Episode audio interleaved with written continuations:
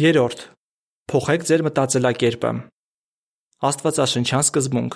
Վերափոխվեք նորոգելով ձեր միտքը, որ เป զի հավաստիանաք, թե որն է Աստծո բարի, ընդունելի եւ կատարյալ կամքը։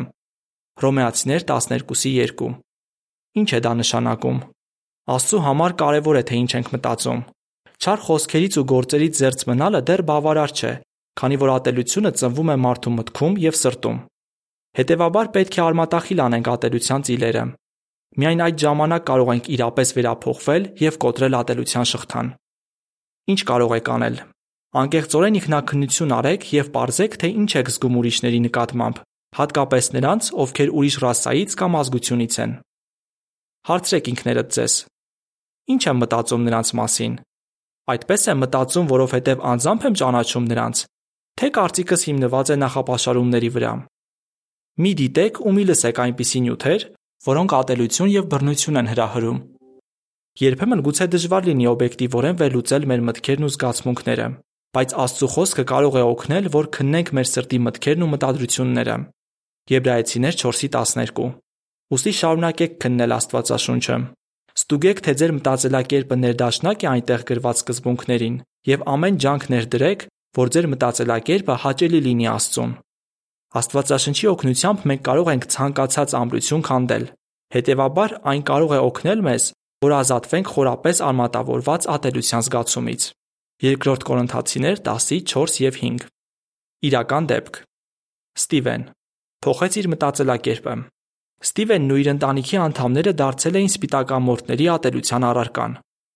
Դրա պատճառով նա մի քաղաքական խմբավորման ազդեցության տակ ընկավ, որը ձգտում էր բռնի պայքարի միջոցով պաշտպանել մարդկանց քաղաքացիական իրավունքները։ Շուտով նա նույնպես ատելության հողի վրա կատարված հանցագործությունների մասնակից դարձավ։ Ստիվենն ասում է. Մի անգամ ընկերներիս հետ կինոթատրոնում դիտեցինք ֆիլմեր, որոնցում ներկայացվում էր, թե անցյալում աֆրիկացի ստրուկները ինչ տանջանքներ են կրել Նահանգներում։ Այդ անարդարություններից բորբոքված մենք հենց կինոթատրոնում հարցակվեցինք սպիտակամորթ երիտասարդների վրա։ Հետո գնացինք սպիտակամորթների թաղամասեր, որ ավելի շատ մարդկանց ծեծենք։ Ստիվենի մտածելակերպը լիովին փոխվեց, երբ սկսեց Աստվածաշունչ ուսումնասիրել Եհովայի վկաների օգնությամբ։ Նա պատմում է. Ես այնքան էի ենթարկվել ռասայական խտրականության վատ ազդեցությանը, որ այնինչ տեսնում էի վկաների մեջ, պարզապես ապշեցնում էր ինձ։ Օրինակ լսեցի, որ մի սպիտակամորթ վկա, որը պետք է ուրիշ երկիր գնար, իր երեխաներին թողել է մի սևամորթ ընտանիքի հոգացությանը։ Եղել էր նաև այնպես, որ սպիտակամորթ մի ընտանիք հյուրընկալել էր սևամորթ մի երիտասարդի, ով կացրանի կարիք ուներ։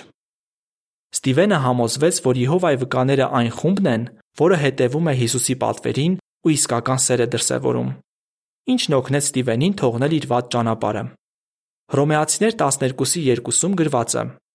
Նա ասում է. Գիտակցում էի, որ պետք է փոխեմ մտածելակերպս։ Պետք է նորոգեի միտքս, որ เป զի ոչ միայն խաղաղարար դառնայի, այլև դա կյանքի լավագույն ուղին համարեի։ Ստիվենը արդեն ավելի քան 40 տարի է ազատվել է ատելության շղթաներից ու վայելում է կյանքը։ Ստիվենի պատմության մասին ավելին կարող եք կարդալ jw.org կայքում Դիտարանի 2015 թվականի հուլիսի 1-ի թողարկման մեջ։ H10-ից 11։ Հոդվացի ավարտ։